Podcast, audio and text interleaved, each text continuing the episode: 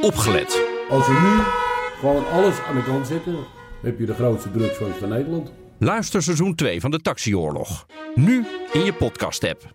Het ziet ons een beetje zwart voor de ogen. Ja, hoe komt dat? Maar dat komt door de zwartgelakte documenten die we allemaal te zien kregen. Hartelijk welkom bij De Technoloog 143. 143. En we hebben als gast Jordi Bruin. Hey, goedemorgen. Klopt. En we gaan het hebben over apps. Ja, dat was jouw idee, Herbert. Wil je eerst uitleggen Ja. waarom je dat wilde? Nou, dat komt doordat ik ehm, een, eh, een videoserie tegenkwam. En dat is de videoserie van Tom Scott. En dat is een Britse eh, YouTuber eigenlijk. Die ook een hele leuke serie heeft, Things You Might Not Know.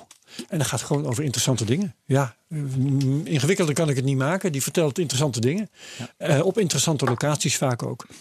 En ehm, ik heb gisteren nog even een paar afleveringen van zijn nieuwe serie. En die gaat dus over het maken van apps. En daarin zegt hij van, eh, nou ja, het eh, maken van apps, eh, doe het niet. In principe, want je krijgt er spijt van. hij vertelt ook hoe hij dat zelf een keer geprobeerd heeft.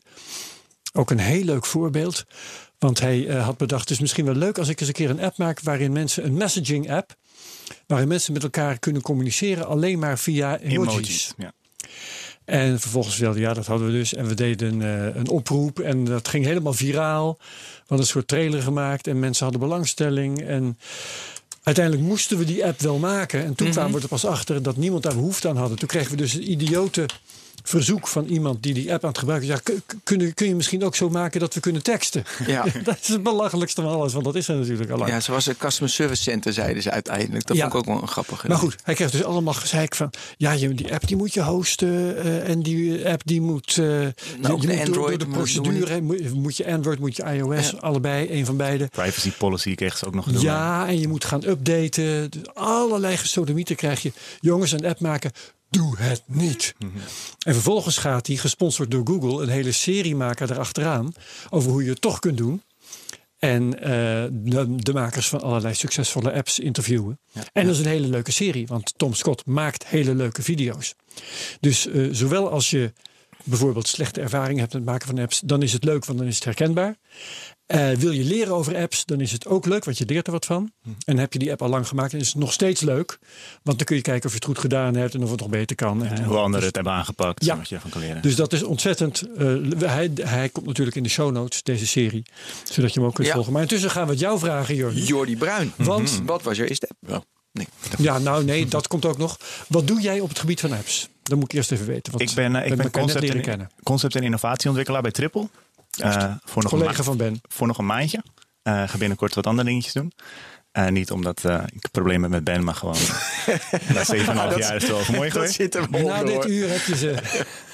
Ehm, en daar, ehm, daar maak ik apps in de breedste zin van het woord. Dus Ja. ik bedenk apps. Ik help klanten met waar hun apps naartoe moeten gaan. Ehm, innovaties, kijken of dat een app kan worden. En app is dan even heel simpel. Het kan natuurlijk een ander digitaal product ook zijn. Maar ehm, ja, dat... eh, En je maakt zelf ook apps. Je ik hebt maak zelf je ook apps. Ook voor eigen rekening en Ja, risico. eigen- ja. ja, ja, ja, ja, dat zijn... Dus dat ehm, advies van Tom Scott, dat sla jij gewoon in de wind. Nou, kijk, het advies is natuurlijk wat genuanceerder dan je moet het wel of niet doen. Ehm, dat, voorbeeld was ik al wat, bang voor. dat voorbeeld wat hij noemde was met zo'n zo'n emoji messenger. Ja. Ehm, daar heb je sowieso al het ding dat je een backend moet gaan maken waar mensen moeten kunnen communiceren. Op het moment dat je dingen gaat doen waar meerdere mensen met elkaar een app kunnen gebruiken, loop je veel meer risico dat er dingen fout gaan. Dat je dingen als compliancy en zo moet gaan doen. Ehm, maar er zijn ook heel veel apps mogelijk die heel makkelijk zijn, heel simpel en één ding goed doen, waarbij je al dat soort dingen niet hebt. Dus het is een beetje de afweging hoeveel tijd je erin wil gaan steken en hoeveel, ehm, hoeveel effort je wil gaan steken in continu het onderhouden. Maar er zijn nog wat dingen te doen waar je al die dingen niet hebt. Of veel, in veel mindere mate, zeg maar. Ja, wat ik, eh, om af te trappen, hebben we eigenlijk al gedaan. Maar wat ik eh, van jou zou willen. Wat vind jij zelf nou goede geslaagde apps? Eh, welke app had je zelf willen maken? Uh, er, Die is je een niet app, hebt gemaakt. er is een app die heet Apollo. Ja, En dat is een app voor Reddit. Ik weet niet of je Reddit kent. ja ik wel. Eh, maar de meeste luisteraars ook. Allemaal, Reddit is allemaal. bekend. Oké, Ja, nou. Reddit.com mensen. Ja. Kom op Jordi, dat kent iedereen. Ja, voor de zekerheid. Ehm, en dat is eigenlijk een, eh, een... Reddit heeft een eigen app. Die doet wat het moet doen. Die heb ik, ja. Maar er is een hele grote community al jaren die eigen third-party apps maakt. Gewoon op de API van Reddit. Ehm, ja. En wat je krijgt is dat er eigenlijk altijd een grote volger, groep volgers komt die dan bepaalde apps gebruikt. Omdat dat dan de beste Reddit experience is. Ja. En op een gegeven moment was er een hele goede, Alien Blue. En die maker daarvan die is op een gegeven moment geacquired door Reddit. Dus die maakt nu de Reddit-app. Ehm, en nou, toen kwam alle feedback over Zo dat... goed dat ze hem zelf wouden hebben. Ja, en dat Ja. zorgde ervoor dat daarna de Reddit-app heel slecht werd. En dat die gast van Alien Blue opeens ook niet meer goed werd. Ehm, en toen was er opeens een jongen, eh, Christian Selig heet hij. Vroeger stagiair gelopen bij Apple, stage gelopen bij Apple. Die is toen twee jaar lang gewoon aan een eigen app gaan werken. En heel erg met de community om het te verbeteren. En nu, ehm, ja, nu is die app gigantisch succes. En verdient hij gewoon heel veel geld mee. Maar vooral ook gewoon heel erg communicatie met, ehm, met de eindgebruiker. Wat ze willen. Heel erg in de loop houden. Hun meenemen in de keuzes over eh, budget en pricing model. En op een gegeven moment ging hij een server maken voor notificaties. En dat kost gewoon geld. Omdat je elke maand ja, servers moet gaan betalen. En hij zei van ja, ik kan het nu gratis aanbieden. Maar dan ja, is de app gewoon niet sustainable. En dan gaat hij gewoon weg. Dus wat hij toen deed is dat hij samen met de community ging bekijken. Oké, hoe kunnen we dit ja, hoe kunnen we dit doen? Wat zouden jullie willen betalen? Ehm, de eerste week had hij dan een soort lifetime bonus. Dat je dan voor 15 euro lifetime dat kon afsluiten. In plaats van dat je een subscription had. Dus ik vind het vooral heel mooi hoe hij dat doet met die community. En hoe die continu Ja. zeg maar, ehm, ja, echt zorgt dat het heel erg goed aansluit op iOS. Het is echt bijna, bijna native ervaring. Alsof Apple het zou maken. Eh, en dat is ook denk ik de, de kracht als je native apps maakt. Dat je heel erg kan aansluiten op de ervaring van het operating system. Dus of dat nou Android of iOS is. Ook met het design en zo. Ja, en gewoon Ja, wat ja. mensen verwachten hoe een app hoort te werken op een platform. Want dat Ja. heb je wat minder als je, als je hybride apps zoals React Native en dat soort dingen gebruikt. Je zegt tussen de bedrijven door iets heel belangrijks. Hij verdient er veel geld mee. Ehm, dus hij heeft mensen bereid eh, gekregen om daar ook voor te betalen. Nou, kijk, veel geld is misschien relatief. Kijk, hij heeft op een gegeven moment een, um, een, had hij een, eh, een, een charity drive waar mensen dan alle inkomsten van een bepaalde dag gingen naar een, goed doel. En heeft hij toen echt 25.000 op één dag binnengehaald. Dus dat is niet wat hij elke dag natuurlijk doet, maar een percentage daarvan wel. Nou, stel het is 10%, stel het is 5%, dan is het nog steeds mooi. Dan als is dat elke dag binnenhaalt. geld als het je Ehm, salaris is. Ja. Ja, en wat hij gewoon doet is hij. De basiservaring is heel goed. En hij heeft een aantal features die voor pros de moeite waard zijn. En daarnaast heeft hij een soort van fooipotje. En omdat hij, omdat hij heel erg met die community bezig is. En als een community member vraagt een bepaalde feature. En een maand later zit dat erin. Dat geeft heel erg die wisselwerking. Waarbij mensen Ja. denken van, oh, vet, hij heeft weer wat gemaakt wat ik, wat ik gaaf vind. Ah, dat vind ik wel een euro waard. Of, oh, deze feature werkt zo lekker. Ah, vooral voor iets als Reddit, waar mensen vaak uren per dag op zitten. Dan Ja, als je, ja, ja. Eh, je bent me misschien een beetje voor, want ik wilde gaan vragen: wat zijn nou succesfactoren Mhm. voor een goede app? Eh, je zegt eigenlijk al gebruikservaring, eh, features voor pros en een goede fooiepot voor jezelf. Het hangt er vanaf wat je definitie van succes is. Als Ja, je definitie van succes is geld verdienen, dan moet je natuurlijk eerst zorgen dat je gebruikers hebt. Da- dat hoort er En, en ja. hoe hij dat deed, is dat hij echt twee jaar lang aan die app heeft gewerkt voordat hij echt in beta uitkwam. Dus in twee jaar lang samen met die, met die community. Hij had gewoon daarnaast banen, neem ik aan. Ik neem aan dat hij dat niet twee jaar gewoon zonder iets heeft kunnen, kunnen doen. Ja. Ehm, maar dat is natuurlijk de truc. Hoe zorg je dat je überhaupt mensen krijgt die je app gaan gebruiken? En dat is bij zo'n community-based app misschien makkelijker, omdat je dan gewoon rechtstreeks naar de community kan gaan. Maar eigenlijk heb je voor elke niche heb je wel een community ergens. Of het nou een hardloop-app is die je maakt. Er zijn allemaal hardloop-websites, forums, Twitter, Instagram, eh, hashtag eh, running of zo. Ja. Ehm, dus ik denk dat de kern is om te zoeken wat is je community en wat hebben zij nodig? Wat, wat bied jij wat voor hun heel veel waarde toevoegt? En dan vervolgens daarop focussen. En op die manier je, je, je groep opbouwen. En als je daarna iets kan toevoegen wat voor hun hun leven makkelijker maakt. En je daar sympathiek mee omgaat. En niet dat ze niet het gevoel hebben dat je geld aan hen probeert te verdienen. Maar gewoon, hé, hey, ik heb werk erin gestoken. Dit is wat, wat jij ervoor terugkrijgt. Dan, dan zit daar wel wat. En je kan natuurlijk Ja. advertenties doen. Maar ben ik zelf En, en al die rotervaringen waar Tom Scott het over heeft in zijn videoserie. Hè? Mhm. Eh, hoe vind je in godsnaam publiek? Hoe verdien je er in godsnaam geld mee? Hoe spring je door al die hoepeltjes om überhaupt in de Play Store en de, en de Apple Store te komen? Enzovoort, enzovoort. Kun jij je daarin verplaatsen? Ja, nou, kijk, als je natuurlijk de eerste keer dat doet, dan zijn dat allemaal hele grote hurdles. Maar als je het op een gegeven moment een keer hebt gedaan, dan weet je al, oké, ja, submission, dat duurt een dag qua werk, screenshot, goede tekst, keywords. Ehm, en ook dat is weer zo'n typisch ding van, je hoeft niet gelijk het perfect te doen. Je kan het doen en dan bij de volgende update tweak je het een beetje. En dan maak je de screenshots weer een beetje beter. Of, ehm, maar het is vooral gewoon, er is heel veel informatie die je nodig hebt om die eerste, die eerste release te doen. Dus dan is het handig als je mensen in je omgeving hebt die dat wel hebben gedaan. En heel veel mensen hebben dat niet. En dan heb je gelukkig iets als YouTube, waar heel veel hele duidelijke tutorials staan van dat soort dingen. Ja. Ehm, maar daar is weer het probleem dat elk jaar die processen net even anders worden. Dus als je dan een tutor- tutorial hebt van vorig jaar, of de blogpost van vorig jaar, die werkt dan net weer niet. Ehm, maar ja, dat, als je je daardoor gaat tegen laten houden, dat is de laatste stap. Weet je wel? Ga eerst maar gewoon zorgen dat je iets maakt dat goed is. En wat, wat waarde toevoegt. En dan, ja, dan kom je die laatste hurdles gewoon even een nachtje doorwerken en dan heb je dat ook al gedaan. Ja, ja, ja. Nou ben ik zelf eh, in één opzicht nogal een hardliner. Ik heb een, eh, een eh, zo weinig mogelijk apps beleid op mijn telefoon. Je kijkt ook alsof je dat wel een beetje begrijpt. Ja, hoeveel heb je er nu dan? Ehm, oh, veel te veel, want het... Nou, hoeveel, Herbert? ik zou Ongeveer? vertellen, ik heb notabene... Nee, maar zijn het denk ik, 50 of 100? eh, veel minder. Veel minder. Oh, oké. Het zijn er, als ik er twintig heb, is het veel. Jeetje, gemiddeld en de helft ervan gebruik ik zeker niet. Maar is het erg om veel apps te hebben als je ze af en toe gebruikt? Ik heb gewoon Ehm, op mijn homepagina heb ik er gewoon. Nou, kijk, apps hebben heb jij? Dat is de reden dat ik, eh, dat ik er zo weinig mogelijk neem. Ik, eh, ik, ik, ik heb vaak toch wel bezwaar tegen de machtigingen die ik weggeef. En eh, ja, bij sommige apps een beetje door de zure appel heen omdat je ze belangrijk vindt. Ehm, maar waar ik naartoe wilde eigenlijk, in het kader van mijn zo weinig mogelijk apps beleid, eh, heb ik dus van zoveel mogelijk diensten die ik gebruik, eh, gebruik ik de mobiele site. Dus ik, voor zover ik naar Facebook ga, ga ik naar m.facebook.com is het geloof ik. En Laat ook sneller. al, ja, en allerlei kranten gebruik ik via hun mobiele site. En een x-aantal KNMI en zo, buienradar, doe ik allemaal gewoon via het web. Ja.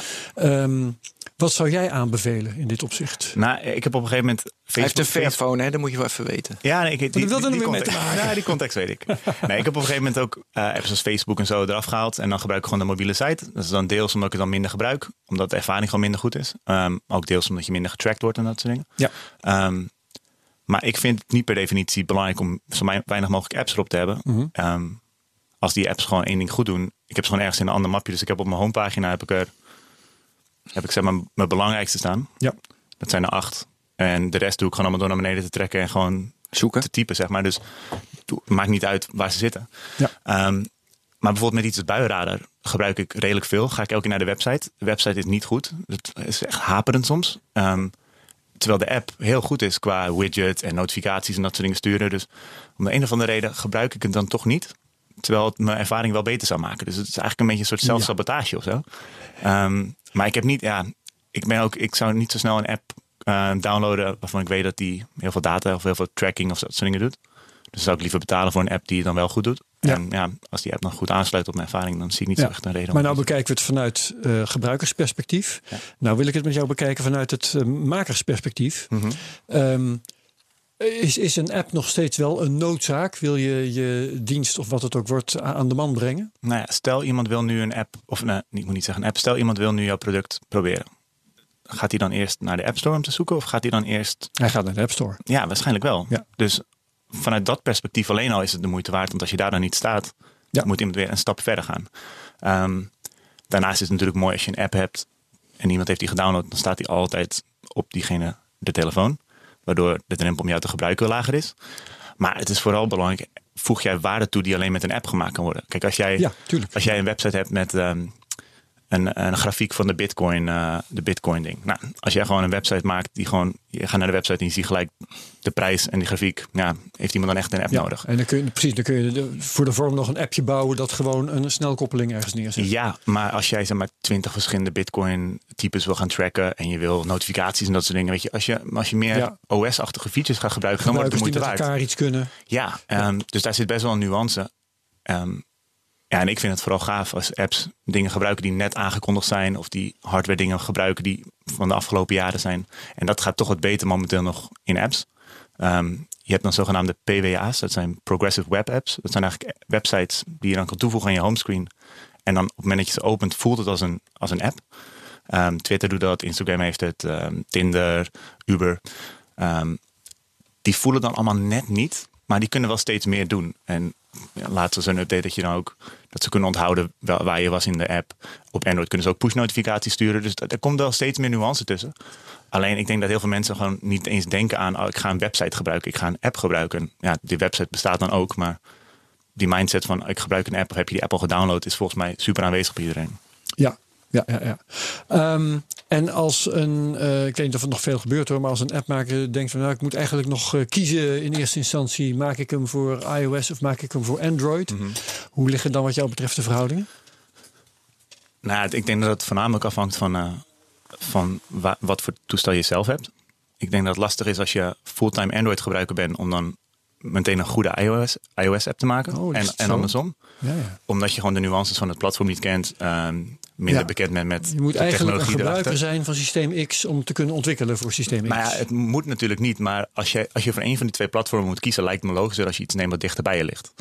Wat natuurlijk heel veel mensen willen doen, is dat je beide platformen ondersteunt. En dan wordt het helemaal lastig. dat, dan, eh, ja, uiteindelijk wil je dat natuurlijk, hoe dan ook, om zoveel mogelijk publiek te bereiken. ja, ik weet niet. Is dat, als dat je doel is, bijvoorbeeld die Apollo-app waar ik over had. Hij heeft gewoon voor gekozen, ik doe alleen maar iOS. Omdat Oh, waar ik wauw. goed in ben.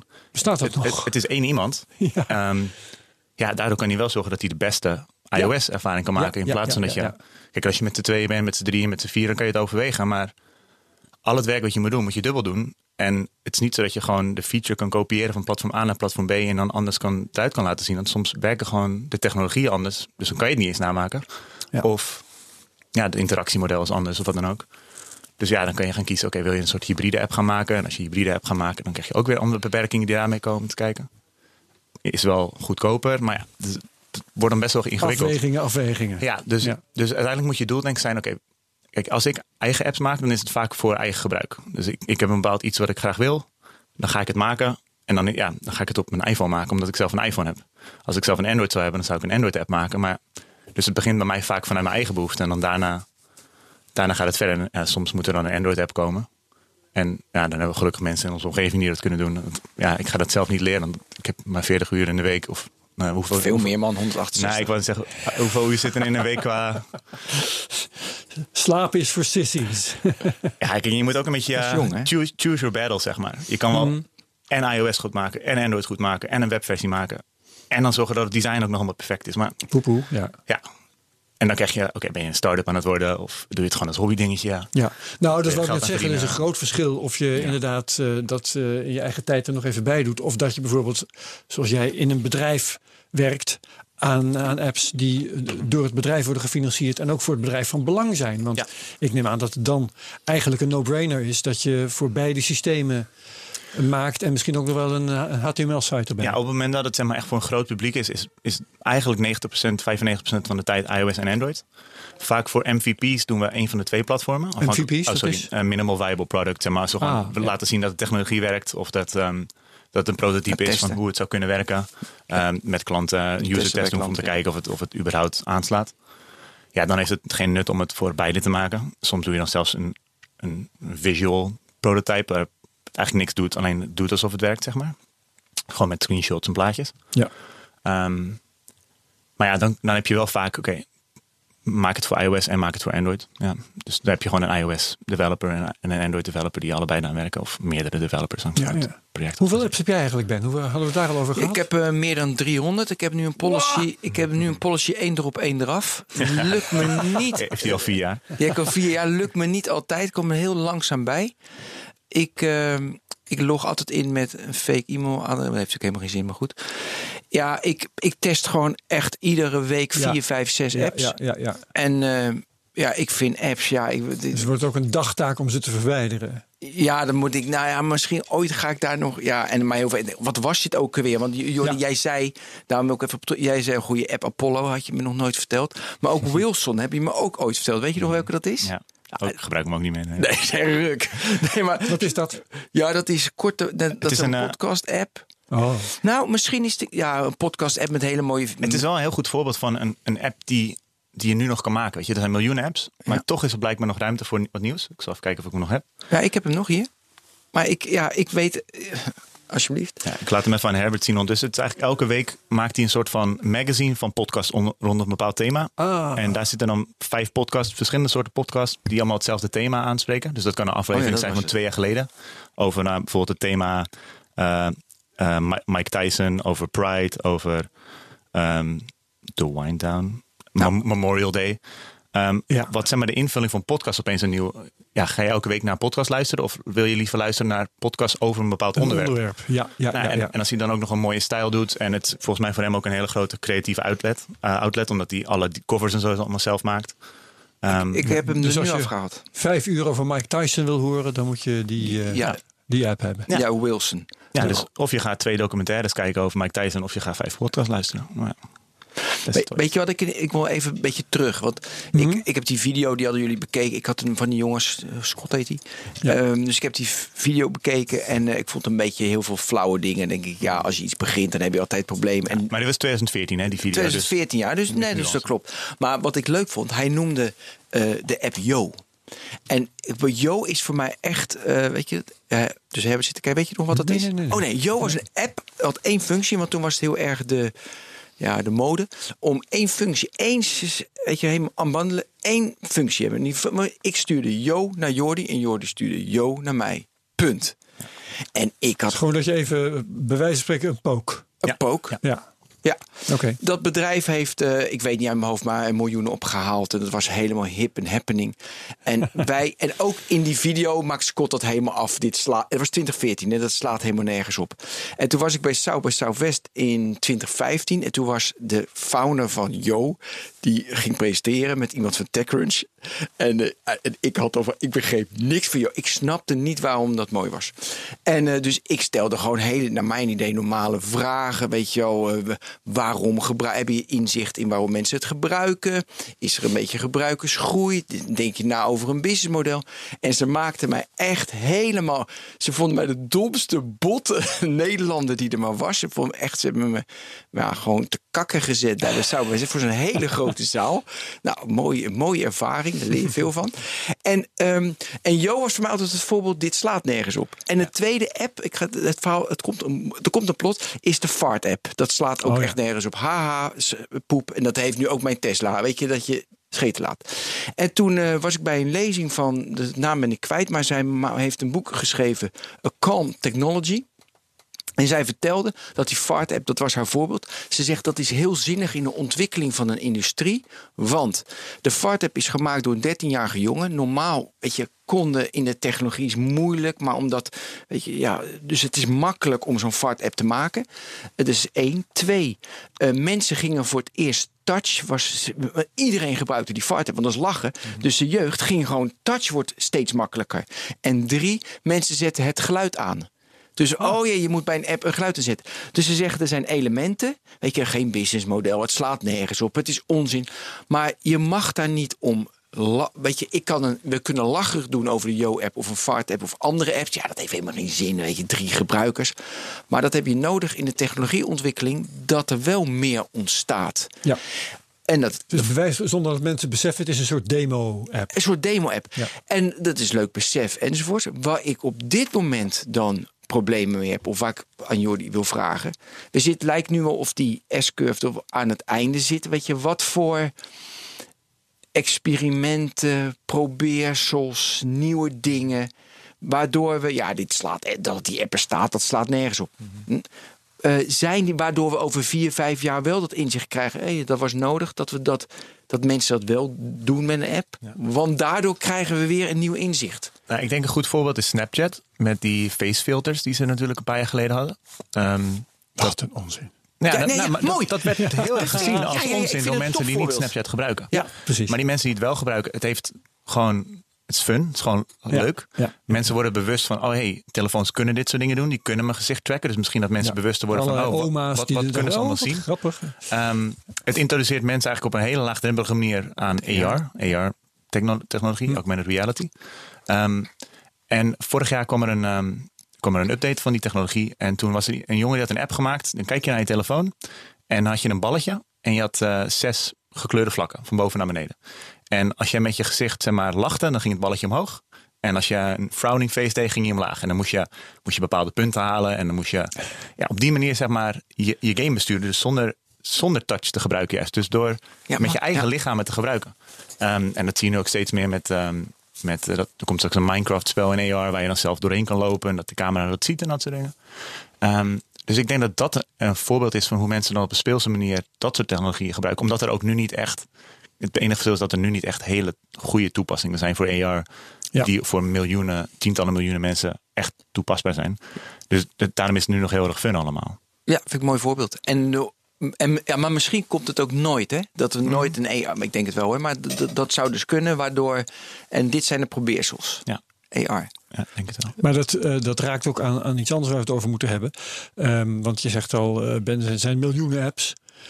En eh, hoe, als je zelf een, je, hebt een app gemaakt, die wil je tussen. Hoe, hoe kom je ertussen? Hoe kom je in vredesnaam nog Mhm. Ja. aan publiek? Ja.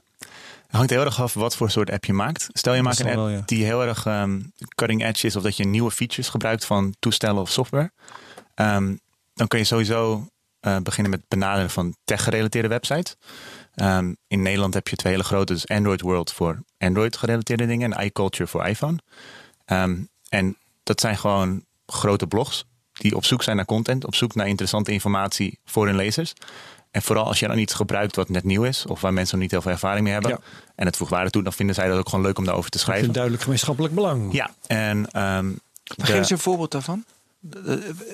Dat je.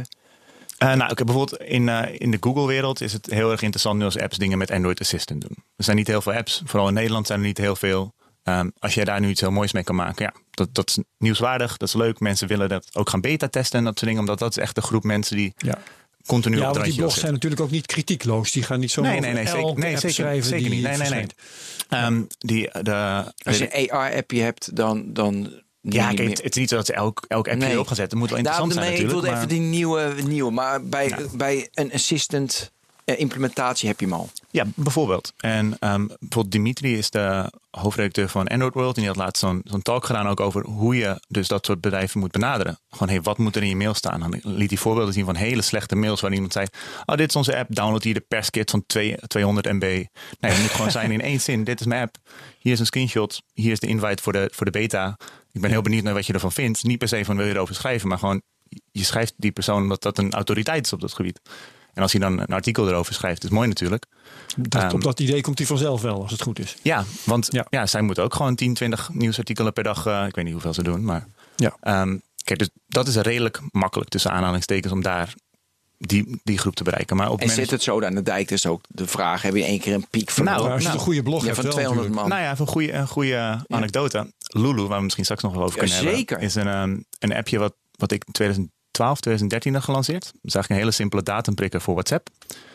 Toen heeft iCulture, de iOS website waar ik net over had, die had een artikel geschreven. Op dag 1 gelijk 600 users. En dat was de, de, de basis voor de groei, waardoor we nu 3,5 miljoen gebruikers hebben. Whoop-de-doo. Dus dat, dat komt allemaal daaruit. En daarna was organische groei. Maar ehm, Ja, ja, als, je, als je een paar van dat soort plekken kan vinden. Kijk, en dan is dit was dan een tech. Dit was 13, eh, zes jaar geleden. Dus toen was er ook minder, waren er minder apps en zo. Maar als jij een, een app maakt in een bepaalde niche, er zijn echt wel tien plekken te bedenken die voor wie het interessant is. Ja, Dus ja. Dus één, maar je zei Oh. meer wat, wat je moest doen om gezien te worden. Jij zegt je moet naar die techblog schrijven. Oké. Nee, nee, kijk, dat als je, als je in, in tech gerelateerde dingen, dus iets cutting edge. Ja. Maar stel jij maakt iets wat, wat niet super, super nieuw is of zo, maar gewoon iets heel wat, wat toevoegt. Ja, dan moet je die communities gaan opzoeken, denk ik.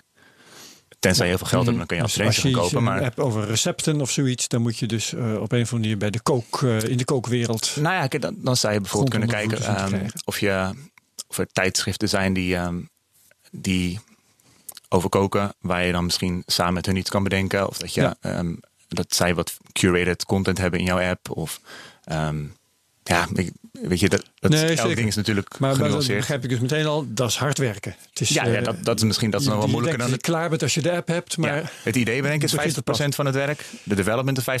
De marketing is 50% van het werk. Ja. Eh, het update is 50%. Dus oh jee. 200% zit jou. hoor. Ja, ja, ja. We, gaan, we gaan nog. Er zit nog heel veel presentjes erachter nog. Nee, Ja. ja, ja maar dat, dat, dat is natuurlijk, het begint daar met het idee. Het begint daarna met de uitwerking en daarna is het, het verbeteren. Ehm, maar ja, als je niemand hebt die je hebt gebruikt, ja, waarom doe je dat dan? Dus daar moet je, daar moet je ja, zeker wel een derde van je tijd denk ik mee bezig zijn om... eh, Hoe komt het dat je die organische groei kreeg met Lulu?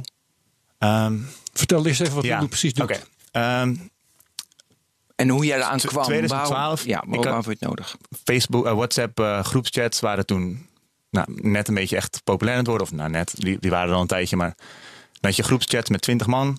Dan wilde je wat afspreken. En dan ging iedereen in die groepschat zeggen: Ik kan wel, ik kan niet. Wanneer kan je? Nou, werd een heel gesprek, allemaal gedoe. Dus ik dacht: er moet gewoon een appje zijn. Je zegt: Wanneer gaan we uit eten? 10 datums. Je plakt dat linkje in WhatsApp.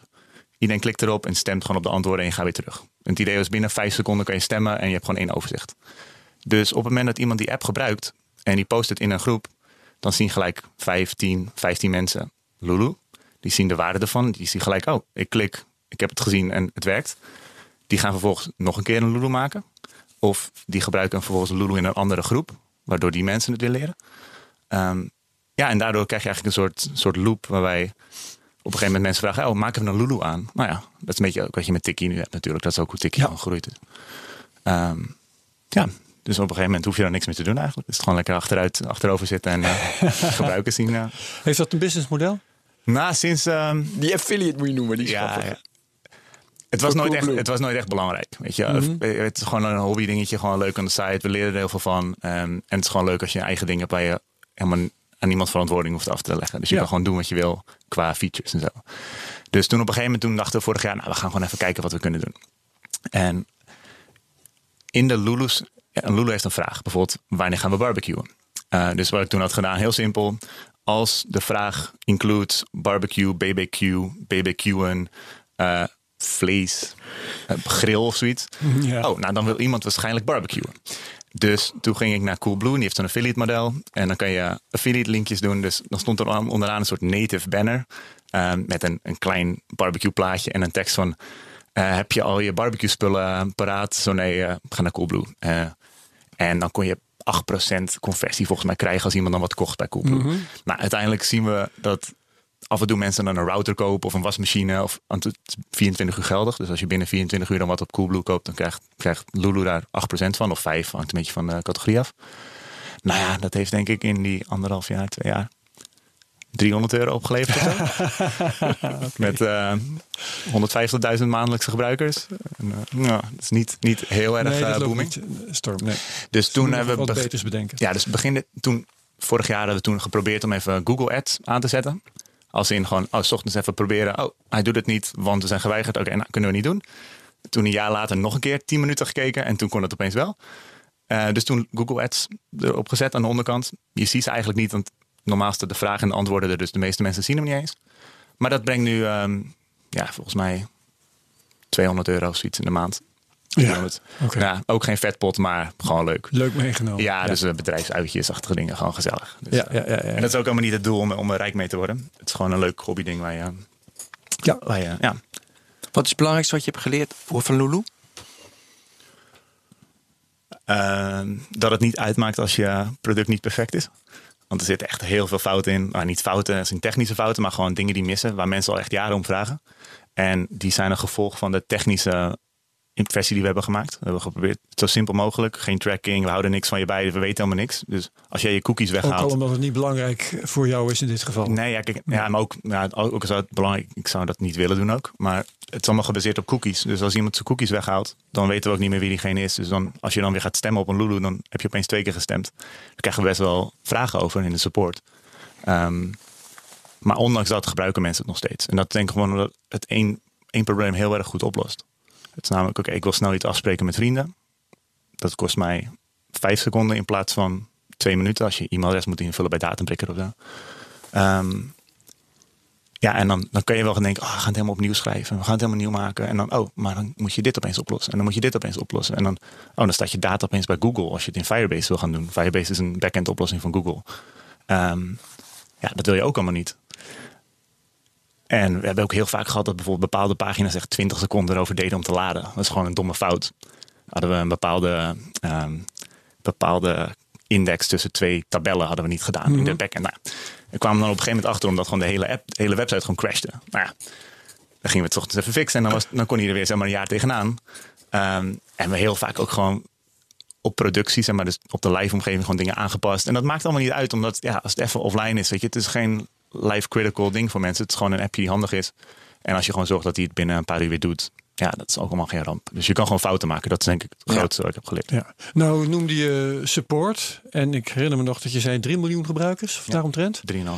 Dan uh, moet support haast wel een nachtmerrie zijn. Hoe heb je dat nou, geregeld? Ja, nou, het mooie is dat alle support in mijn e-mailbox komt. Dus uh, ik ben heel erg bewust van, van hoe belangrijk het is om dingen goed te doen. En hoeveel, ja precies. Um, hoeveel mailtjes krijg je ik, ik denk dat ik heb vanmorgen nog eentje gekregen. En binnen 10 seconden geantwoord. Dat is een van de voordelen ook. Dat als ze er binnenkomen. Maar um, het zijn vaak hele simpele vragen dat mensen bepaalde features niet weten. Dus dit was iemand die, die wilde de naam veranderen. Nou ja, onderaan elke Lulu staat naam veranderen. Um, nou ja, blijkbaar hebben we dat dus niet duidelijk genoeg gemaakt. Maar ook vaak dus dingen die dan uiteindelijk... hey, mensen vragen, ik wil ook op een agenda zeg maar datums kunnen aanklikken. Nou ja, dat vroegen ze jarenlang. Nou, op een gegeven moment gaan we even twee weken aan zitten, hebben het gebouwd. Nou, dan krijg je die supportvragen allemaal niet meer. Dus het, ik vind het juist heel fijn om daar zo mee verbonden te zijn. Omdat je heel erg ziet wat moeten we doen om die vragen weg te halen. Ja. En daarmee maak je eigenlijk ook het product gelijk beter. Dus toen heb ik vorig jaar op een gegeven moment een aantal frequently asked questions onderaan elke Lulu gezet. Mhm. Het zijn er vier of vijf met eh, hoe kan ik mijn naam veranderen, kan ik goed- antwoorden verwijderen en dat soort dingen. Ehm, en dat, dat lost veel op, want die worden echt super veel aangeklikt. Ik denk dat ook is gewoon dat mensen voor de eerste keer er komen. Oh, wat is dit precies? Hoe werkt het? Ehm, maar het zijn er misschien eh, vijf tot tien per, per week of zoiets. Nog niet eens, denk ik. Ja. En- Maar al met al, hè, je, je- dit, dat is dan de support. Je noemde net nog even twee weken werken, dan heb je er een feature bij. Mhm. Die app die jou 200 euro per maand oplevert, hoeveel tijd kost die? In, in totaal zal er iets van 2000 uur in hebben gezeten of zo. 2000 uur. Dat vind ik even. Maar dat is, dat is, dat is Dat jaar over, over die ongeveer. Ja, dat is, maar dat is over die zes jaar verspreid. Weet je? Ja, en en ja, ehm, ja, ja, ja. Dat, dat is ook verspreid over Maar meerdere mensen. per week? Nou, niks. nul. Niks. Nee. Oké. Nou ja, ik, Misschien een uurtje. Nou, toevallig vorige week ben ik begonnen om hem opnieuw te schrijven, zeg maar. Gewoon mijn code even op, op schoon te maken. En ja, ook eh, echt een goed voorbeeld. Ik wilde dus een update doen daarvoor. Ja. En mo- momenteel staat in de, in de App Store staat nu versie 3.2. ja. Dus ik denk, nou, oké, dan ga ik naar de code, haal ik versie 3.2 binnen. Dat is twee jaar geleden geüpdate voor het laatst. Heb ik dus alleen maar versie 3.1 geüpload zeg maar, in, in source control. Dus ik heb versie 2.- 3.2 heb ik gewoon niet eens meer. Ehm, Ben je gewoon kwijt? ja, ja, gewoon, ja, gewoon niet geüpload of zo. Laptop kapot, weet ik niet. Maar het mooie is dat, ja, met zo'n app als Lulu, dat is gewoon, ah, oké, ja, ik weet ongeveer wat het is. En ja, dan moet ik gewoon even twee uurtjes langer doorwerken. Want als je de features eenmaap bedacht en hoe je het gaat maken, dan kan je het nog een keer maken Ja, natuurlijk. ja, ja, ja, ja. Dus nu heb ik gewoon links heb ik versie 3.1 open. En rechts heb ik versie 5.0, noem ik hem nu. Eh, en dan ben ik gewoon, oké, dit stuk moet erin, dit stuk moet erin, dit stuk moet erin, dit stuk moet erin. En daarna kun je hem gewoon daarnaast stellen. Want je weet gewoon, oké, het is een vrij basic app natuurlijk. Het zijn drie, vier schermpjes of zo. Maar, maar dat is wel ook weer een voorbeeld van, het maakt niet uit als je fouten maakt. Joh. Dan, ga je gewoon, dan moet je gewoon even een avondje langer doorwerken daarna.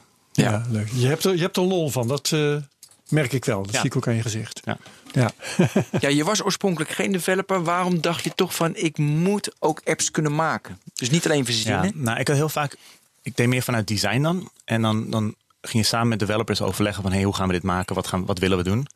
Ehm, en dan was ik altijd heel erg afhankelijk van, van skills van anderen om dan uiteindelijk te maken. Dus ik, kon- ik kon iets bedenken en dan kon ik een beetje inschatten of het kon of niet. Of het technisch haalbaar was en hoe moeilijk het was. Maar je was altijd afhankelijk van iemand anders' tijd of iemand anders eh, ja, zijn energie of dat diegene het überhaupt een leuk idee vond. Ja. Om ook echt iets te maken. Dus het was best wel ehm, beperkend. Dus toen wilde ik eigenlijk gewoon die skill hebben dat als ik een idee had, dat ik het ongeveer zou kunnen maken. Nou, en op een gegeven moment als je een eigen idee hebt die je wil maken, dan is dat heel erg motivatie om dan ook echt aan de slag te gaan. Dus ja, nou, het begin is niet super mooi, maar het gets the job done, zeg maar. Ehm, en toen op een gegeven moment dacht ik, nou, ik ga de code van Lulu pakken, van een oude versie. En die ging ik toen helemaal opnieuw schrijven in een nieuwe taal, Swift. Dat is de taal voor iOS.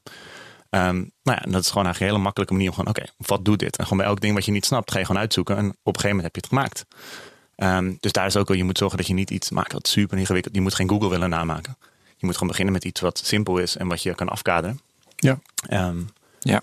ja, en nu zit ik dan op het punt dat als ik nu een ideetje heb, dan weet ik ongeveer hoe ik het moet maken. Of zo niet, dan weet ik hoe ik het moet googlen. En als je weet hoe je het moet googlen, dan, ja, dan kun je, Kan je het, alles. kun je het uiteindelijk gewoon maken. Ja. Ja. Eh, wil je iets vertellen? Want nu heb je gewoon een hobby-app. Dat is. Oh ja, nee, we moeten eerst over Travel Buddy natuurlijk hebben. Oh. Totale mislukking van je. Dus Travel Buddy. Ja, dus Jordi ging reizen. Maar weet je, echt zo'n millennial. Weet je, heeft geen zin meer. Dus die ging reizen. Gaat hij reizen? Gaat hij gewoon in. Voor mij was het Thailand, Vietnam. Maar doet er niet toe. Ergens in Zuidoost-Azië. Gaat hij dus alleen maar in een hostel zitten. Dan heeft hij volgens mij drie jaar gezeten. En heeft hij. Nee, ik overdrijf expres. En heeft hij een nieuw appje gemaakt. Die natuurlijk totaal mislukte. Of nog niet, dat weet ik niet. Maar nu ben ik expres te hard. Maar Jordi legt uit over Travel Buddy. Oké, nou de definitie van mislukte klopt wel redelijk. Nee, nee ik, ik was toen op reis in Azië. Een backpacken, hostels, je kent het wel. Het Eh, verhaal.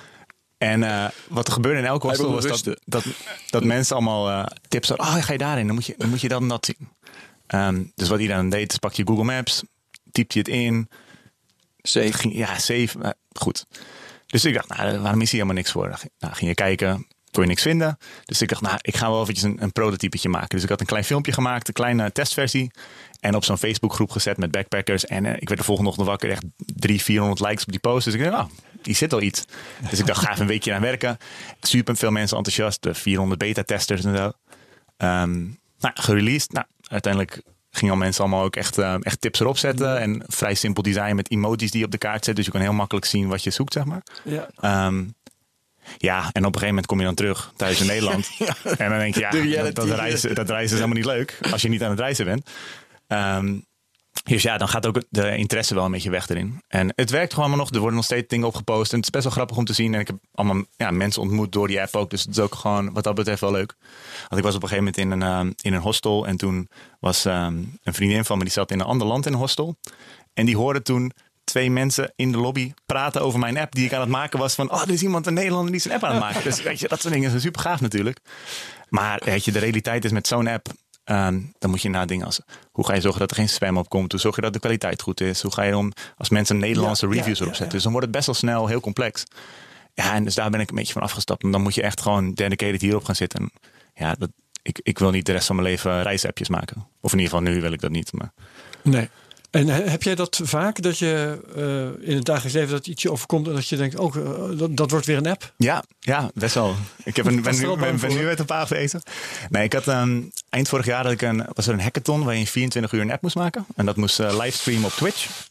Of moest, je moest het niet natuurlijk, maar ik ging daar meedoen. moet. En ik, ik, had al heel, ik had op een gegeven moment geen. eh, toen ik op reis ging, had ik mijn Apple Watch eh, aan een collega gegeven. Want ik dacht, ja, ik wil dat ding allemaal niet mee. Maar een van de dingen die ik miste was als ik ging hardlopen, dan wilde ik vaak zien, zeg maar, oké, hoe, hoe lang heb ik gelopen? Wat is mijn afstand? Dus toen dacht ik, ja, oké, dat is een mooi dingetje om in 24 uur te maken. Dus ik had een Er zijn appje toch al wel apps voor, of niet? Nou ja, Ja, dus, dus- Nee, maar niet dit. dus Oké, ik oké, heb je gemaakt, dus we zitten nu hier. Eh, zeg je start new run. En vervolgens teken je gewoon op de kaart je route. En dan zegt hij gewoon hoeveel kilometer het is.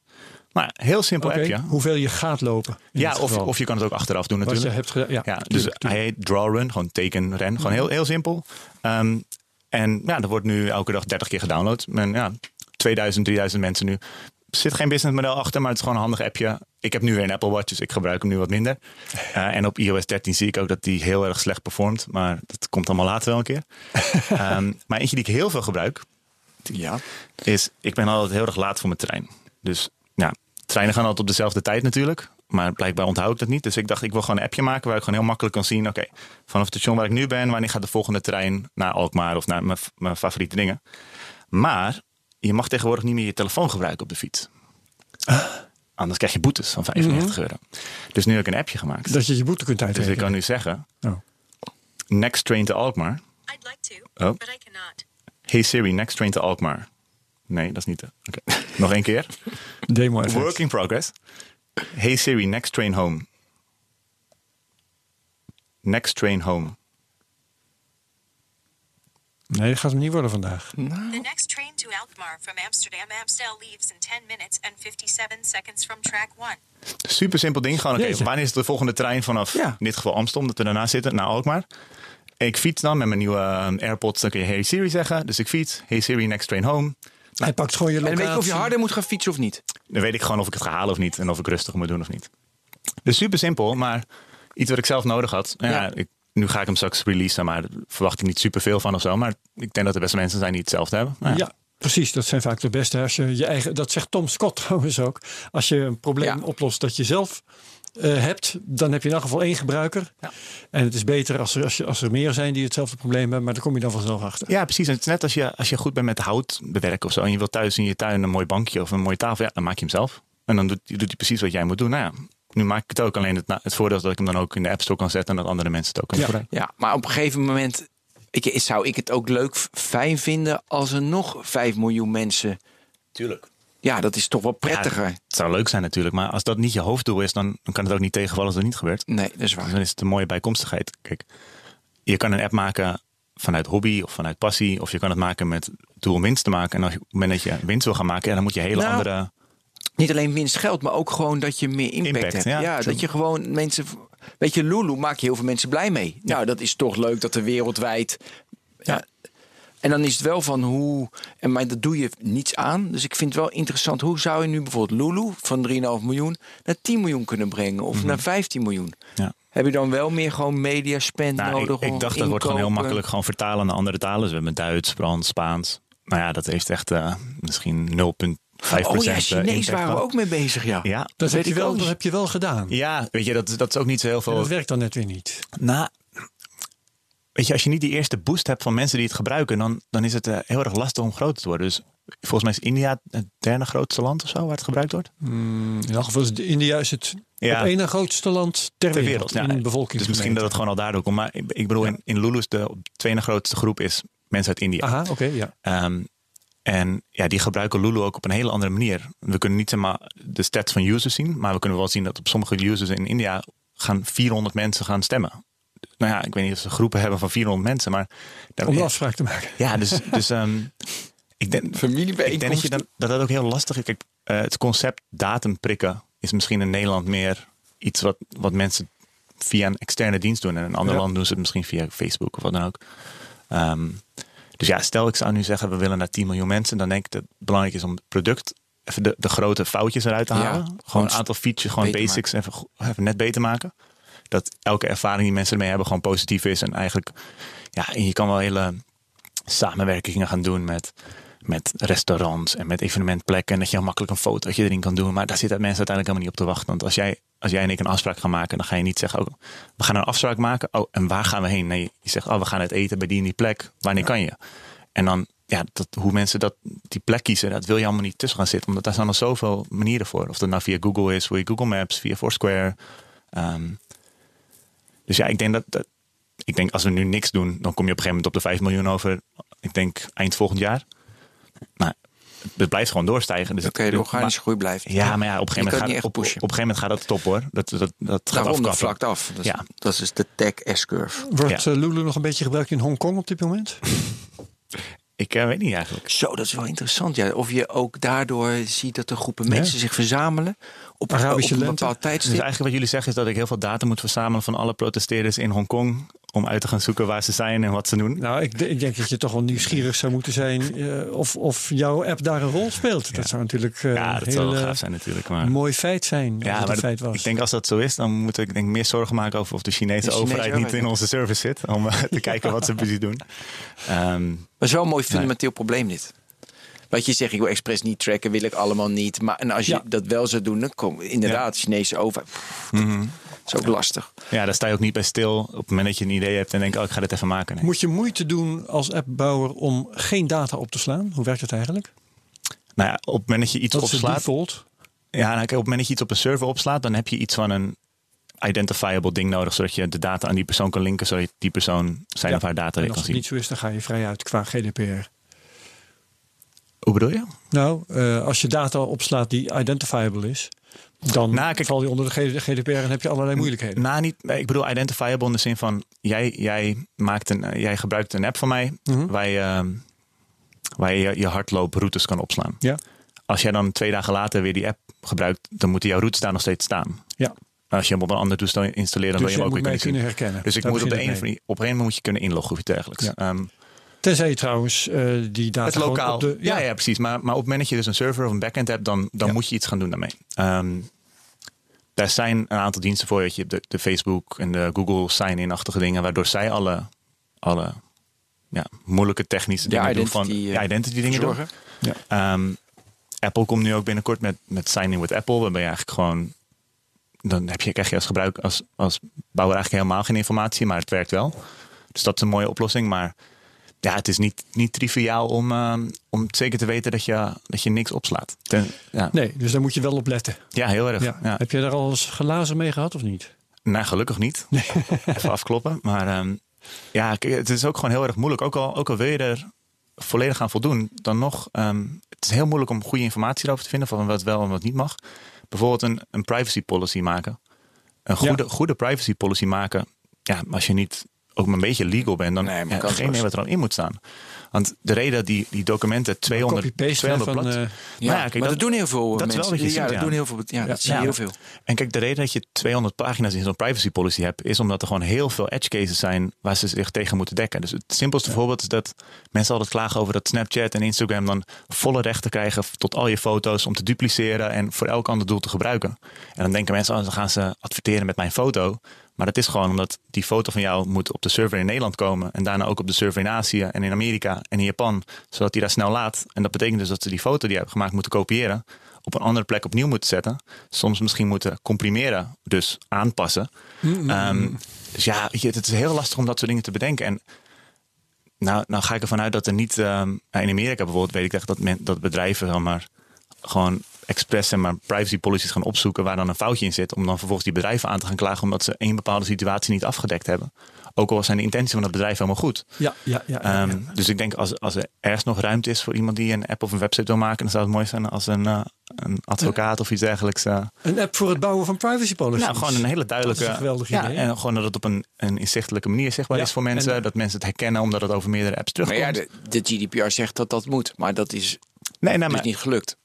Nou, maar ja, ik denk, ja, ja, wat nu is gebeurd is die copy-paste. Maar stel jij hebt gewoon een legally backed versie van een privacy policy waar je gewoon aangeeft, ik, ik doe dit, doe dit, doe dit, doe dit. Dus dan komt deze policy eruit. En daarna Ja. zit er voor de user-facing nog een... Ik, ik, ik zie mezelf al druk op de knop generate, weet je wel. Komt die Ja, privacy policy. maar als je, als je weet dat het dan ook echt goed is en je weet, oh hey, Ja. dat ik, misschien dat je zelfs kan denken, oh ik wil alleen maar privacy policies accepteren die dat ene icoontje hebben, want dan weet ik dat ze op die en die met mijn data omgaan. Ja, ik snap eigenlijk niet dat daar nu niet meer voor gedaan is. Ja, ja, ja. Want ja, iedereen heeft ermee te maken. Dus, eh, Ja. en ik zou er ook makkelijk voor, ja, ik zou er zo 500 euro voor betalen als ik dan niet, eh, niet het allemaal zelf hoef uit te zoeken en dat het gewoon. eh, Maar je ziet het niet op je weg liggen om zelf zo'n app te maken. Nou ja, ik, heb, ik, ik ken, de, ik ken de wet, voor zijn ik natuurlijk. ken de wet Je niet goed. Ik- legal Ja, ja, ja, meer achtergrond hebben. Nou, voor eh, een liefhebber die eh, hè, bij deze een oproep. Ja, graag. Wie maakt even zo'n app? Je eerste klant heb je al. 500 euro geef ik je. Ja, ja, maar hij komt er niet uit. Hij komt er niet uit. Nee, omdat te veel edge cases zitten. Ja, bedoel, precies. dus hij komt daar niet uit. Ja. En daarom kan ik heel makkelijk zeggen dat ik 500 euro Ja. betalen. Nou, dan betaal ik 1000 en Herbert 2000. Dus iemand heeft of hij drieënhalf. Ja, oké. Hey, eh, Jordi, je vertelde over jezelf. Weet je, je vindt het mooi. je- je- Mm. Wat er uitkomt, het maakt je allemaal niks uit. Kun je ook het proces vertellen als iemand nu een professionele app wil? Ja. Professionele app als in... Nou, je- ik ben BMW of ik ben Tesla. Ja. ehm, je kan het dan natuurlijk gewoon zelf maken. In-house developers, designers, een team gaan, gaan opzetten. Dat is denk ik het beste op het moment dat jij echt een product hebt... wat super, super critical is voor, voor alles van je bedrijf. ja. Ehm, dat, dat zou inderdaad bijvoorbeeld een Tesla zijn. Want Tesla wil niet... Wat echt essentieel is voor je product. Ja, ja dat, echt, maar, Ja. een- dat het echt een, een verlengstuk is. Dat het product niet zou werken als je het niet zou Nee, hebben. die maar. kennis wil je ook in huis hebben. Ja, dat, dat ook inderdaad. Sowieso, omdat tech, tech wordt steeds belangrijker natuurlijk. Ehm, daarnaast heb je heel veel bedrijven die een bepaald product hebben en die daarnaast een tech-component hebben. Dat kan een, een omgeving zijn waar mensen dingen kunnen regelen. Dat kan iets zijn wat de productervaring verbetert. Ehm, je kan een volledig techbedrijf zijn die gewoon een, een techproduct moet maken, maar, maar Ja. dat, jouw skills niet zitten in het technologische, maar meer in hoe jij die data hebt vergaard of hoe jij, ehm, hoe jij mensen op een bepaalde manier bij elkaar brengt. En dan is het handig om een, een partner erbij te vinden. En dan, dan gaat het vooral om dat je een partner vindt die, ehm, die, zeg maar, die je kan betrekken in dat proces. Zodat diegene weet wat langere termijn is. Maar ook dat, dat die partner zeg maar, jou kan inspireren met wat er allemaal mogelijk is. Want ja, net als dat ik geen jurist ben, zijn veel mensen geen techni- niet technisch eh, eh, hebben. Kun je veel niet coderen, bijvoorbeeld. Precies. Ja. ja, dus dan kun je het allemaal zelf gaan uitzoeken. En dan kun je en dat en dat doen. Maar er zijn heel veel mensen die heel goed dat kunnen. Dus ja, werk dan samen met dat soort mensen. Ehm, en dan gaat het er heel erg over dat je samen met hun uit gaat zoeken. Oké, waar willen we naartoe? En wat zijn de stappen die daarvoor nodig zijn? En dat waar je naartoe gaat, dat, dat gaat heel erg verschillen elke drie, vier maanden. Omdat je ziet nieuwe mogelijkheden, je ziet nieuwe, eh, nieuwe technieken. Je ziet hoe de markt zich verandert, zeg maar. Ehm, en eigenlijk ga je dan, nou, als bedrijf zou je iemand inhuren. Of een bedrijf inhuren. En die gaan dan voor jou dat doen. Dus die gaan alles uitwerken voor je. Je hebt gewoon vervolgens nog volledige controle erover. Het is niet zo dat zij het allemaal voor je gaan maken. En dat, daar, dat je maar moet Maar de accepteren. wat designs die app maken, de, de Ja, user ja, journeys precies. maken. Dat, ik zoek een beetje daarnaar, dat mensen dat weten. Ja, nou, ehm, je begint gewoon, oké, wat moet de app doen? Oké, laten we een hele simpele app. We, hebben, we willen een. Ehm ehm, BNR wil een app maken zodat eh, dat alle luisteraars een eigen podcast kunnen maken. Mhm. Nou, oké, dat moet dan. En er moet een opnameknop in zitten. En je moet het misschien met andere mensen ook nog kunnen opnemen tegelijkertijd. En vervolgens moet je het kunnen editen. En je moet het kunnen uploaden naar de BNR Public Podcast website. Ergens inderdaad waar het, Nou, ja. Oké, nou dan eh, komt Herbert aan die zegt van ja, ik vind dat het heel belangrijk is dat eh, elke aflevering maximaal een kwartier duurt. Ehm, dan komt Ben aan van ja, het- Nee, het- twee uur minimaal. nou precies. Eh, Ja, nou, liever nog nou, 2,5. nou, dus dan ga je discussies krijgen over wat, Gaan we wat, gaan, wat gaan we doen inderdaad. Ehm, nou, vervolgens zijn er vast nog wat mensen die zeggen hoe het eruit moet gaan zien. Eh, nou, zijn er wat le- legal mensen die, eh, die inspraak erop hebben. Nou, daarna krijgen we een vrij goede afkadering van wat we willen maken. Ehm, nou, vervolgens ga je, het, ga je het bouwen. En dan is het denk ik handig om een eerste versie te bouwen. En dan bijvoorbeeld het publiek van podcasts zoals deze te benoemen van... hé, hey, we zijn hiermee bezig. We zijn op zoek naar feedback. Ehm, dan laat je 1000, 2000 mensen beta testen. Een beetje kijken hoe zij, hoe zij daarmee omgaan. Eh, en vervolgens ga je dan ehm, ja, eigenlijk bedenken, oké, je gebruiker moet de app openen en dan, dan moet hij een overzicht kunnen zien van alle andere podcasts die mensen hebben gemaakt, omdat dat inspirerend is. En dan daardoor gaan ze misschien eerder ook een eigen podcast maken. Wordt het alleen een, een app om eh, te maken of wordt het ook om te consumeren? Dus dan krijg je dat, dat soort discussies ga je dan allemaal krijgen. keuzes die ook gevolgen hebben voor hoe groot wordt de app en eh, hoe snel werkt die en hoe ingewikkeld En- is de interface. Precies, een budget en ook wat voor publiek je bereikt. Want als jij een app maakt Ja. waar je dus alleen maar die podcast kan maken, dan krijg je een publiek die heel niche is. Namelijk mensen die Ja. een podcast willen gaan maken voor BNR. Nou, voor BNR. Ehm, maar op het moment dat je ook alle podcasts van BNR, zowel de publieke als, als de, de, de echte, zeg maar, de professionele die hier gemaakt worden, daarin verwerkt, dan wordt dat, gaan mensen die app downloaden om, om te luisteren. En dan zien ze ook dat andere aspect. En denken ze, oh, nou, misschien is dat ook wel wat voor mij, want ik ben expert op het gebied van agricultuur of iets dergelijks. Of ik ben, eh, ik woon op Texel en eh, niemand praat over, over Texel. Nou ja. Ja. Ehm, en dat zijn dingen die, eh, die je vaak op het begin wel duidelijk moet hebben. Want dat heeft heel veel impact op, hoe- op, op ja, waar, waar de app heen gaat. En Ja, wat je, hoe wat je je in de markt gaat zetten bijvoorbeeld. Ja, ook. precies. Ja. Ja. en inderdaad hoe je, hoe je mensen gaat vinden die het, die het gaan gebruiken. Ja. Ehm, dus ja, kijk, dat, dat, dat proces verschilt natuurlijk heel erg afhankelijk van wat Jawel, je maakt. Maar, ja, in grote lijnen. ja. Ehm, ik heb ook nog een vraag over. eh, wat, eh, dus vroeger was alles tegels. Dus zeg maar in de mode in apps. Weet je, had altijd omdat Apple tegels had. En toen had Android ook tegels. En iedere app was ook tegels. ja, tegel-icoontjes bedoel je Ja. En eh nou, een timeline, weet je, is steeds meer populairder geworden. Zie jij daar trends in? Kan je daar iets Mhm. Nou over vertellen? Het was gewoon natuurlijk op het begin, ook met die Fart-app, mensen wisten niet hoe zo'n ding moest werken. Dus dat was gewoon, oké, open een app en dan zie je gewoon knopjes en daar klik je op en dat is al speciaal. Want touch, ja, touchscreen Ja. waren toen nog speciaal. Toen kreeg je natuurlijk ehm, Facebook, Instagram, waren gewoon lange feeds die gewoon voor hun content goed werken. Ehm, en vervolgens zie je dat heel veel producten dan een dashboard-achtige timeline maken voor hun product. Dus of het nou, als, stel het is ehm, Runkeeper, nou dan is het een lijst met al je runs. Sorry. Ehm, of het is een, een lijst met, met recepten. En dat is gewoon omdat het een makkelijke manier is om dan door content Ja. heen te scrollen. Maar eigenlijk is dat niet per se per definitie het beste model. Want als jij op zoek bent naar het beste recept, ja, is het dan, is het dan handig als je honderd recepten onder elkaar ziet en dat je dan maar per stuk moet gaan kijken welke je het leukst vindt. Ehm, dus wat je dan steeds meer krijgt nu is dat er dashboards worden gemaakt op basis van jouw voorkeuren. En dat, dat elke keer als je de app opent, dat er iets staat wat relevant is voor jou. Ja. En dan kan je het hebben over AI en allemaal machine learning modellen om het allemaal heel goed te maken. Maar dat kan ook gewoon zijn, hey, je hebt spinazie geliked. Eh, Ja. Nou ja, Dan we- krijg je boerenkool erbij. Gewoon een paar factoren, Ja. een, een wegingsfactor daarbij. Ja, en veel meer naartoe van, oké, wat, wat, als iemand die app opent, waarom opent hij die app? En zo'n app als Facebook en Instagram, die zijn heel erg geneigd op dat je terugkomt en dat je elke keer wat nieuws ziet. Dus ja, daar zou dat niet werken. Want als je nou elke keer alleen maar die post die precies bij jou past, ja, die heb je na twee keer heb je die wel gezien. Ehm, dus ja, Dus weet- meer de functie van de app is steeds meer bepaald nu gelukkig ook ja, de vorm. het- ja, die zijn Terwijl er je, ja. precies. En wat je, eh, wat je eerder had, was gewoon dat alles een timeline of alles alleen maar. Ja, ik zit even te kijken Een of ik tegel. een voorbeeld heb nu. Nou, bijvoorbeeld Bunk heeft dan gisteren zo'n nieuwe update gedaan. Waarbij je dan ehm, eh, grafieken ziet van, van, je, van je rekeningen, zeg maar. Oh. Ehm, daarvoor kon dat dan niet. Daarvoor was het gewoon, eh, gewoon een lange lijst. Die Ja. helemaal niet scanbaar is en dat soort dingen. Dus ze zijn nu veel meer bezig. Hoe kunnen we de informatie die erin zit... inzichtelijker maken en actionable maken. Zodat mensen er ook echt wat mee kunnen gaan doen. Ja. Bijvoorbeeld je bestedingspatroon aanpassen of iets dergelijks. Hou jij op die manier dat ook bij van welke app is er ge- geüpdate? En zit je dat dan ook als maker te bekijken? Van, eh, zou ik dat ja, zo hoe, ook ja, hoe ga je met hebben? updates om? Ja. Ik heb volgens mij auto-updates uitstaan. Ik ook. En, en dat is niet omdat ik niet wil dat, dat mijn apps niet updaten, maar meer omdat ik bewust wil zijn als, als er iets verandert, zeg maar. Oh ja. Ehm, ja, dan kom ik toch weer even op Apollo. Die heeft gisteren dus een hele grote update gedaan. Versie 1.5. En Dat is die Reddit app. dat is Ja, die die Reddit Reddit app, in ja. Dus ik pak hem eventjes bij. Ik heb hem net gedownload. Oké. Ehm, en die heeft dan een gigantische post over eh, wat er allemaal vernieuwd is.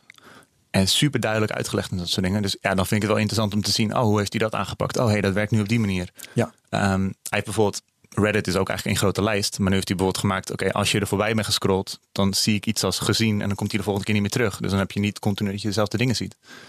Ehm, maar ja, met de meeste apps, die hebben gewoon zo'n standaard update tekst van nou, bugfixes en performance updates. Waardoor je eigenlijk niet ziet wat er anders is. Ehm, Dus ja, dan, moet het, dan komt het meer omdat ik het zelf een keertje tegenkom in de app. Of dat een vriend Ja. of vriendin er wat van zegt. Ja. Nee, ik heb ze ook niet automatisch, omdat ik ook inderdaad wil zien wat er nieuw is. Dus dan, dus dan check ik al die apps, wat is er nieuw. En eh, ja. Ja, goede beschrijving vind ik altijd inderdaad wel mooi. Hey, gaaf, wat zit er nu in? ja. Maar het is ook heel lastig hè, om dan een goede, goede what's new tekst te schrijven die dan ook... Ook weer een taak voor de appbouwer. Ja. Dat is ook weer, oh, gut, gut, ja. Ook omdat, ja, En als je het niet goed hebt bijgehouden, dan zit je te piekeren. Want dat had ik ook weer, ook weer gedaan. ja, dus dan schrijf je zo'n generieke tekst als... Oh, we hebben nog wat, wat bugfixes gedaan. En, eh, Hij is nu beter. Ja, precies. maar dat is wel, ja, ik, ik zat dan bij Lulu te kijken. Hadden, dat was toen in de tijd van de iPhone 10. Hadden we in de update tekst gezet van ja, we hebben geen iPhone 10. Maar gelukkig had een vriendin van ons die wel is, die hebben we kunnen gebruiken om te testen. En hij doet het. Weet je, zoiets is ook ja, wel. dat was ook een beetje mode, hè, was dat. Dat Ja. het heel erg persoonlijk was. Ja, gewoon, het is ook gewoon, weet je, je kan het allemaal heel, heel klinisch houden. Maar, Ja. Ja. maar je moet ook als bedrijf, als je dan een heel corporate bedrijf bent en je hebt dan zo'n tekst die net even te speel zit, maar net even te veel grapjes in zitten. Dat, Niet te leuk. Het, het is ook weer een soort extensie van, van, je, van je marketing en van je, Ja, ja. van je, van je, je personality als bedrijf, zeg maar. Dus. Jij nog belangrijke vragen, Ben? Ja, en de laatste dan, als het nummer één is. Ehm, je zag, weet je, dat hebben we, die discussie hebben we de laatste jaren veel gevoerd. Bundelen of niet bundelen van de apps. Eh, zie jij nu de trend dat we weer... Weet je, want jij hebt dit over één functie. Eén, Er lost één probleem op en dan heb je heel veel apps. Ja. Of zie je ze weer bij Ik- elkaar ik denk komen? dat je heel veel unbundling gaat krijgen, omdat er steeds meer dingen op OS-niveau gedaan worden. Bijvoorbeeld zoals met Siri, hoewel Siri vrij niche is, denk ik, voor de meeste mensen. Maar ehm, ja, voor de meeste dingen heb je gewoon één ding nodig. En dan kan je wel een app hebben die vijf dingen heel goed doet. Ehm, maar ja, dan- je moet maar net die app hebben die al die vijf dingen die jij interessant vindt, precies op de manier doet die je wilt. doet. Ja. Ehm, en op het moment dat je niet heel veel te maken hebt bijvoorbeeld met, met data sturen naar een bedrijf, of dat alle data gecombineerd kan worden, ja, waarom zou je dan niet één, één appje gebruiken voor dat? Bijvoorbeeld voor mensen die heel erg op hun, op hun eten en vo- voeding en zo letten. Ehm, dan kan je nu een app hebben waar je dan al je voeding kan tracken en waar je je workouts in kan doen en waar je recepten kan vinden. Maar ik gebruik voor mijn recepten ehm, eh, Tasty. Dat is zo'n app met van die gifjes dat je heel makkelijk gewoon gemaakt ziet worden. Ja, dan maakt het mij niet heel erg veel uit dat die dan niet heel makkelijk te integreren is in eh, wat is dat Health appje ook weer, eh, Health Pro of zo. Nou, ja, ik denk dat, dat je daar veel meer gaat krijgen dat mensen precies het product zoeken wat past bij hoe zij, hoe zij dat probleem willen oplossen in hun leven. Net als dat je niet al je meubels bij één winkel hoeft te kopen per definitie. Je koopt die, die, Ja. comfort, die comfortabele stoel bij dat bedrijf. En Ja, Hudson B heeft het slecht. V&D failliet. Mhm. En dat zie je dus ook in de appwereld dan. En die drempel is natuurlijk super laag. Want ja, je kan gewoon 10 apps downloaden en daarna zien welke. Het enige, de enige drempel is de tijd. Ja. En dat is ook, jij zegt, je hebt, Ja, 300, bekend. je hebt 300 apps en je doet er elke week er vier. Ja, geef je al die apps wel echt een kans. Weet je wel? Misschien- Nee, geef ze soms maar één minuut de kans. Ja, de- Heb jij die grafieken gezien, Jordi, van eh, de, de, dat app maar één keer wordt gebruikt? Weet je, dus ze hebben 100% downloads en echt na, na een minuut gewoon 50%. Je Ja. bent gelijk 50% van je gebruikers kwijt. Ja, omdat mensen verwachten ook dat dit zo dodelijk. het gaat werken. En en dan als het dan net niet- niet helemaal zo werkt. Dus daar, daar zit ook superveel. Je kan, Ja. je De kan, onboarding is zo belangrijk. En gewoon mensen ehm, terug laten keren, uitleggen hoe je die app moet gebruiken, waarom het handig is.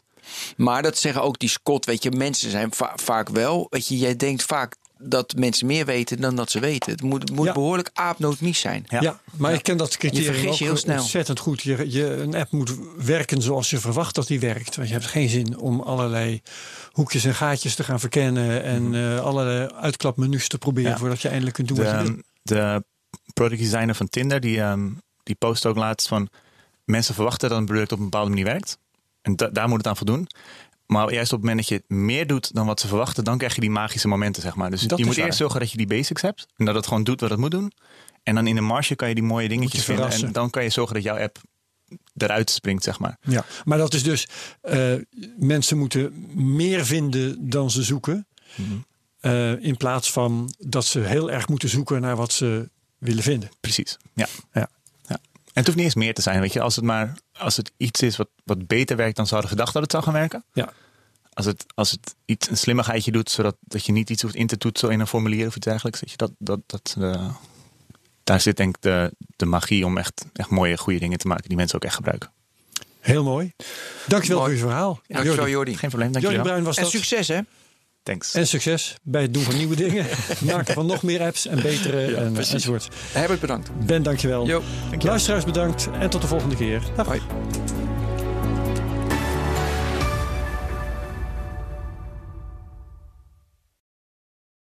Ook Diana Matroos vind je in de BNR-app. Ja, inderdaad. Je kunt live naar mij luisteren tijdens de Big Five. Ook handig in de BNR-app. Breaking nieuwsmeldingen, maar ook het allerlaatste zakelijke nieuws. En je vindt in de app alle BNR-podcasts, waaronder Wetenschap Vandaag. Download nu de gratis BNR-app en blijf scherp.